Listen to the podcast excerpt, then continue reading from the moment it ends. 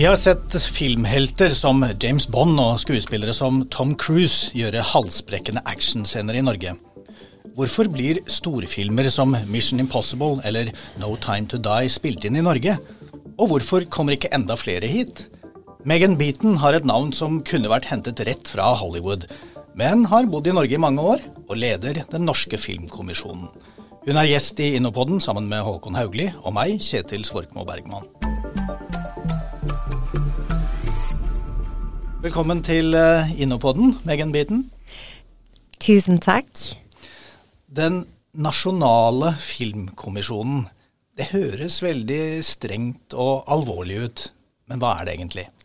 The National Film Commission, or the Norwegian Film Commission, is a national non-profit organization with the remit to facilitate for, attract, and maximize international film and TV production in Norway. In this lies a mandate to market Norway as a potential filming destination, act as a conduit for the international industry to the country, assisting international producers in finding both locations and suppliers in Norway. It's a very exciting responsibility, but also an important one for business development, particularly within the regions. Who are the members? We have no members. No members. No, it's No. A, it's a commission, independent commission. It's an independent commission. We are supported by the Culture Department. All right, cool. Hmm. Hmm. On a slightly more personal note, you're originally from Canada. Uh, what brought you to Norway, and, and how can you use your international background in, in the work in the Film Commission? Yeah, I worked in both New York City and Vancouver in film. Uh, it's a bit serendipitous now, but in the mid 2000s, there was another coronavirus called SARS, which was quite prevalent in Canada, particularly the West Coast. So a lot of the productions uh, had slowed down or paused production. So it seemed like an opportune time to make the move to Norway. Uh, and I just fell in love with the country. Uh, I love the society, the nature, uh, all sorts of things. So I stayed. Uh, I think it's absolutely beneficial that I've worked internationally on sets of all different sizes. I have also lived abroad an awful lot. Norway is the fifth country I've lived in. But even more beneficial in this role in marketing Norway to an international audience is that I've lived here long enough to know the country quite well. But I also have an ability to view Norway as a foreigner.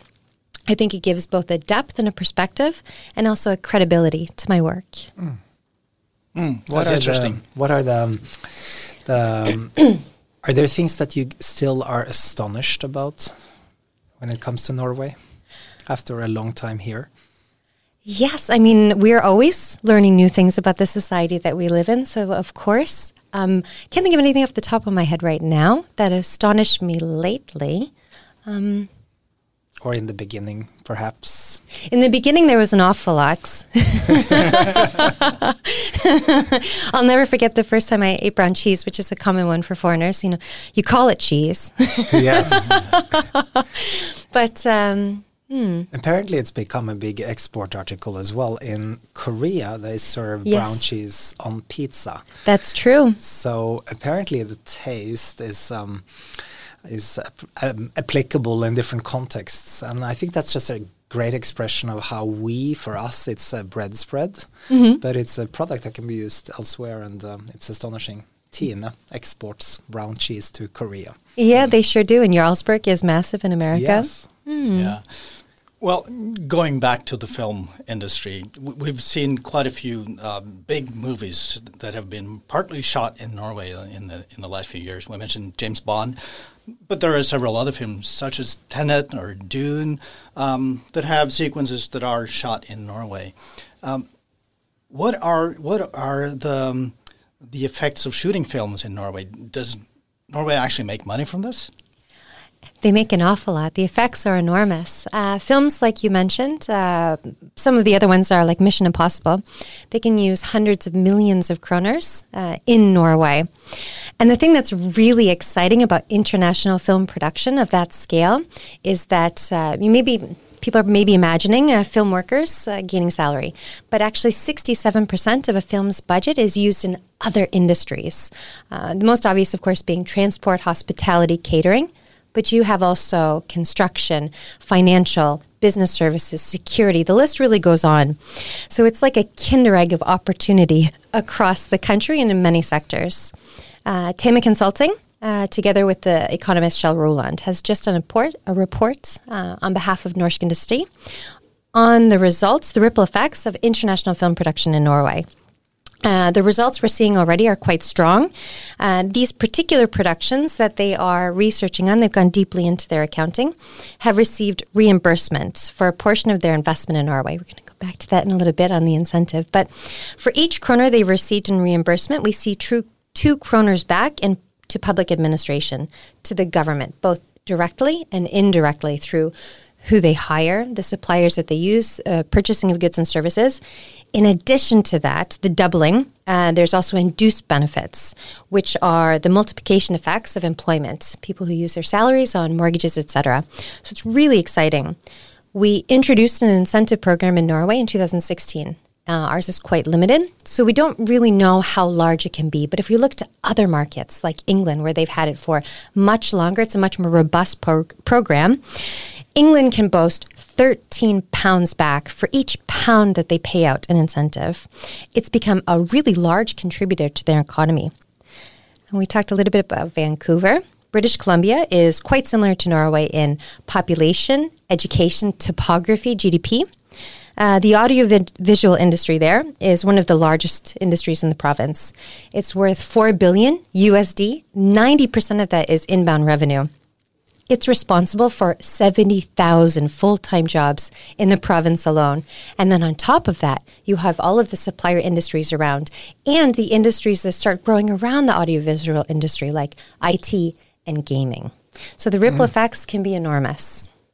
Now, you said that you don't know exactly how big the ripple effects could be, but you know, give us your best guess. well, uh, in 2021, we had applications for our incentive program, which uh, represented an investment of 1.7 billion Norwegian kroner. Uh, our incentive is quite limited, so that means that many projects don't bother applying. So we can only guess, but it would be much more than 1.7 billion per year. Hmm. Håkon, do you do you see this as, as uh, the development of, of business and industry and, and innovation, or is it simply tourism? Um, obviously both, but um, primarily the first. And the ripple effects are, I think, manyfold. And it um, we need to look at this as an investment made by a an industry in Norway. That's the perspective we need to have, and uh, it utilizes some of the things that we are known for in the world, but that we also certainly want to get better known for. Um, having a well organized society, beautiful nature, it's clean, sustainable, etc., good working conditions, and the list is long. And all of those are important in attracting those kind of investments. Um, and I feel immense pride when I look at these movies and I see a glimpse of Norway or even things like Norwegian furniture being shown in movies. And I think that um, adds to a lot of other activity and how do how do we build a reputation for Norway, which has a ripple effect again in how we can attract other kinds of businesses and build um, a, broader knowledge-based industry, and that's very important for us. I mean, we have a backdrop of being very dependent on uh, a few raw materials oriented export industries, this has the potential to become a new uh, important industry for Norway. And that's the perspective. And it, yes, it is tourism. It's also culture. It's a lot of other things. It's high tech. So it's a lot of, lots of different things. And the tool we're talking about is the tool of attracting these large investments to Norway. Hmm earlier this year, Innovation Norway and the Film Commission signed a, a new agreement. Yes. What do you see coming out of that? Um, well, first of all, I'm thrilled that we're doing that because it's based on mutual recognition of the need to work together to to achieve uh, a common goal. Uh, for us, it's a matter of um, meeting the expectations that we need to fulfill as an organization, both in terms of creating regional development all across the country and then in terms of building new industries. So it fits really well with our agenda, and uh, I know that a lot of our colleagues are thrilled that they get to work with this, both in the tourism uh, area where, yes, it is about that, but also broader than that, our international offices as well as our offices all across the country. And um, so it has a pull effect. I don't know how uh, far I'm going to push that, but it's uh, creating a lot of energy that's also important for us internally and uh, gets back to the pride, I guess, that we feel and, uh, and the potential that we recognize for more to be done in this um, field. Megan, if, if you look at the entire global industry, what, what is the size and the potential? I think it's really great for us to frame the potential within the global industry because it's an enormous, resilient, fast acting, and rapidly expanding industry. Consumers, like we all know, are showing a voracious appetite for unique content. There's new technology, platforms are expanding. At the last official overview of the size of the industry, uh, it comes from 2019. It was 175 US billion dollars. But we know from many markets that the size of the industry has grown greatly post post COVID. 65% of this investment originates in the US. It's coming from tech giants, streaming services, studio conglomerates. 30% of that is then left in Europe. So there's a real positive impact from the US into European economies. The interest in Norway right now is enormous. Last year, three of the 10 largest films were filmed in Norway. There are so many reasons that they choose to come to Norway. Our nature is unparalleled, pristine, epic, and very accessible, which is super important. Uh, we are a great place to do business. We range uh, on, a, on, a, swath of factors reliability, transparency, equality. Uh, we have infrastructure that's first rate. We saw that in mm. Bonds, Atlantic uh, Road. Yes. It's very appealing to come, but also to get anywhere in the country is very easy. We have 50 airports. Uh, I know a producer, and he jokes that there's better cell phone reception in Hardangervidda than there is in central London. That's really important for a mobile industry. Uh, and then now that we've been in these films, we have proven ourselves to be a trusted partner that can deliver quality, which is very important. Mm. So now we really need to capitalize on what we've achieved thus far. Mm. You also um, market Norway as a sustainable destination for shooting films. Mm. How sustainable can film film industry be? Isn't it all about explosions, blowing up things, building new things, tearing them down again? How sustainable is that? the film industry can be very sustainable. Uh, our current Norwegian incentive actually has sustainability as a requirement. We are on the forefront there. And what we see from those applications is that the large studios from America are actually really at the forefront.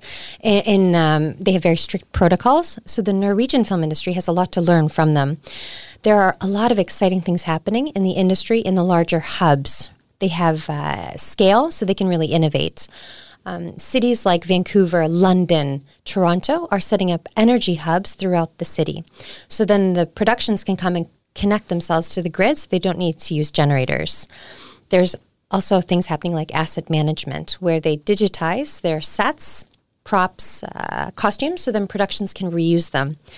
Anecdotally, Jurassic Park last year cut out red meat completely from their production and that's a huge impact if you have hundreds of people working for months on a production. What did the dinosaurs eat then? I didn't get a chance to ask, but I really, it's great. Um, last year, the Producers Guild of America came out with an action plan uh, following the IPCC, the first half of the report, and it included electrification of production fleets, energy efficient buildings, access to clean water, use of renewable energy. And back to Norway, those are all things that we already can boast. But the number one thing on their list was eliminating diesel generators, mm. which is really exciting mm. to talk about here because Eviny in Western Norway piloted a battery pack last year on a feature film production. It's highly mobile, it's a much more sustainable energy source on set, and has the added bonus of being completely silent. It's a product we have here in Norway with enormous international potential. So, connecting back to the discussion on potential ripple effects, with a strong supplier industry that we have here in the country, they could quickly turn to start providing equipment um, to the large global film industry. Mm. And mm. not all movies have something blowing up, uh, Kjetil. I think this says a lot about the kind of choose, Maybe I'm watching choices the, the, the wrong kinds of movies. But I think on a, on a different uh, note, um, the push for authenticity is something that you haven't seen before. I mean, the more movies or entertainment we consume, the more we are attracted by what we haven't seen before. So a copy of the previous uh, product is not um, uh, what customers will be looking for. Mm. It was astonishing when the uh, on Netflix the uh, Going Home for Christmas at uh, Hjem til jul that series was one of the top uh, uh, series internationally, and it's very Norwegian. Uh, if you look mm. at it, just all the traditions, all the scenery, all the outdoors, very low budget, I would assume. I mean, I don't know that, but I think it's an expression of of of that that's trend, and it fits well into sustainability and uh, sort of a near or uh, short traveled product, um, cleanliness obviously, and uh, responsibility. So there is also a niche. So yes, we need the blowing up stuff movies, but we also need the other set of movies, and I think we have the potential for doing more of both. Mm. Or maybe that's not both. It's not both. It's a lot of different products. Mm. You often speak about developing and even exporting entire value chains, not just yes. one company or one product or, or service. Uh, and this this is also part of the of the agreement with the film commission. Yes. What exactly does it mean? Actually, this is super exciting. I think Megan already shared some examples of what we're talking about. But um, within uh, the, we just access something through the lens of a, a, movie production, but in fact, it has a lot of different components to make that happen. Everything from very advanced digital tools. I mean, that in itself, VR or uh, sound or those kind of technologies, the battery that Megan mentioned, that's part of that value chain. So to build um, uh, and all of those subparts have a potential to be applied in other areas. And so it's not like a linear chain, it's more like an ecosystem that we apply. And through those kind of investments we're talking about now and others, we create the groundwork for ideas and products to be taken out into the world. So that's really important and I think not very well recognized. I mean, we if we talk about batteries, which is a great example, we think of it as something that is applied either in a transportation or industrial context, and that only. If we talk about solar cells, we think about them as being installed on our roofs, not to be replaced or not to replace a diesel generator in a refugee camp or at a movie production. And those are the kind of perspectives that foster innovation. So we're great at applying different technologies, and then we need something, we need a vehicle that is so comprehensive that it brings all of these different technologies and systems and solutions and knowledge into the into the um, onto the table if you like and then it's boosted. So that's where this is so super super exciting that we it's not just about the narrow line of making a movie but it's much broader. How do we create the ecosystem that can foster a film production in Norway but also address a lot of other concerns at the same time? Hmm. innovation is is clearly central here. Um, Megan what other innovators inspire you there are so many people who are inspiring, but uh, I think two uh, I would like to talk about right now. We are sitting together in the same room, which is just amazing if we think back um, not that long ago. And we really have one person to thank for that, and that is Dr. Katalin Karikó. She is the researcher who worked tirelessly and thanklessly for about 40 years on messenger RNA technology. Um, when they sequenced the virus, coronavirus, it only took a few days because she had done so much work beforehand. When we had viable uh, vaccines to start testing, it's amazing. Um, so she is a very inspiring figure. The other, um, right now, is uh, Vladimir Zelensky. I think he's very many things, but um, one thing that's very innovative about him is he has leveraged his natural and superior communication skills uh, and a very adept usage of platforms, which is unbelievably innovative and inspiring uh, and very brave. And he is single handedly gifting the world at large with an amazing clarity. Mm. Um, so I find him mm. inspiring. Great inspirational role models, I think. And in this context, um, the it might seem a little odd to have a conversation about uh, production of film when the world is um, in a crisis. Uh, however, um, we are consuming a lot of these products, so it's not a question of making movies or not making movies. It's how do we make them in the best possible way, in a responsible way, and respond to the needs. And I think um, culture is not less important in times of crisis. Probably the other way around. We need it more. We need to be reminded of the of who we are as a civilization and the values that underpin our societies. And that's exactly what culture does. Mm. Even though we are in, in a very serious situation in the world today, um, if you ended up in an elevator with a Norwegian prime minister and you were to speak about something else, what would you tell him? I hope it'd be a very tall building. Norway is a country with just such breathtaking opportunities. So I'd have a lot of things I want to talk to him about. Um, but with the mandate that I have, I'd obviously want to talk to him about the opportunity within film production and how we can increase our competitive advantage and introduce internationally competitive frameworks. Uh, increasing film production in Norway connects to so many of the ambitions they've put forth in the Hurdals platform, particularly in terms of inbound revenue and regional development. So I'd definitely like to discuss those opportunities with him. Og der setter vi rett og slett strek for denne utgaven av Innopoden. Thank you so much, Megan. It was great speaking with you. Thank you for having me here. Takk skal du ha, Megan Beaton, leder for Nasjonale filmkommisjonen, og Håkon Haugli, administrerende direktør i Innovasjon Norge. Mitt navn er Kjetil Svorkmo Bergman.